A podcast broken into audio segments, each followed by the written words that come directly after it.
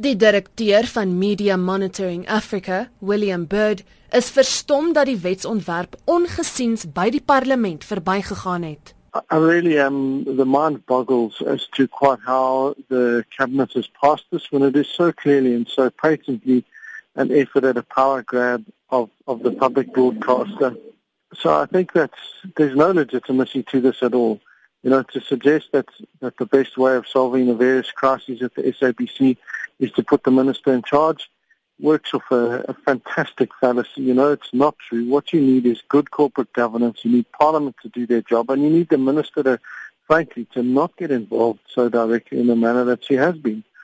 You know, when you get those some of the basics right, appointment procedures that are in line with good corporate governance and corporate, good corporate governance practices being practiced at the SABC, then you'll start to resolve some of the crises.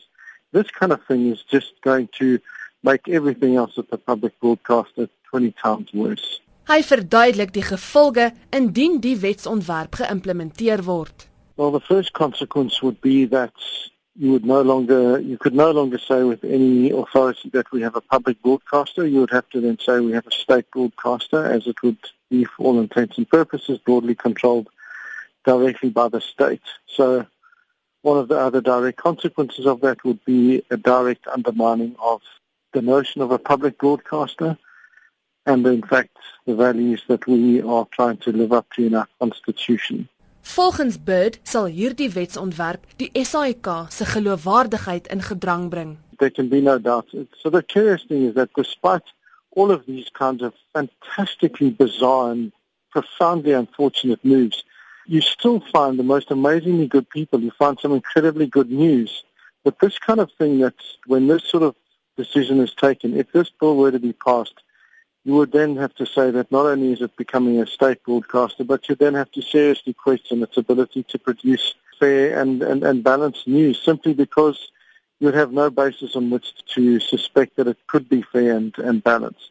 Intussen sê die woordvoerder van die DA, Pumzile van Dam, dat die party hierdie wetsontwerp sal teenstaan. The SABC is a public broadcaster. It's funded through National Treasury and through license fees. It belongs to the public.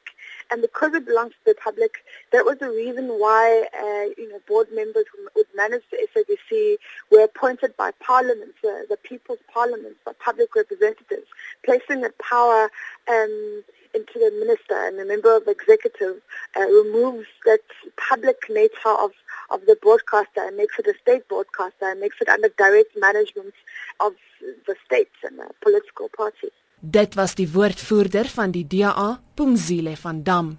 Dianke Nel, SABC nuus.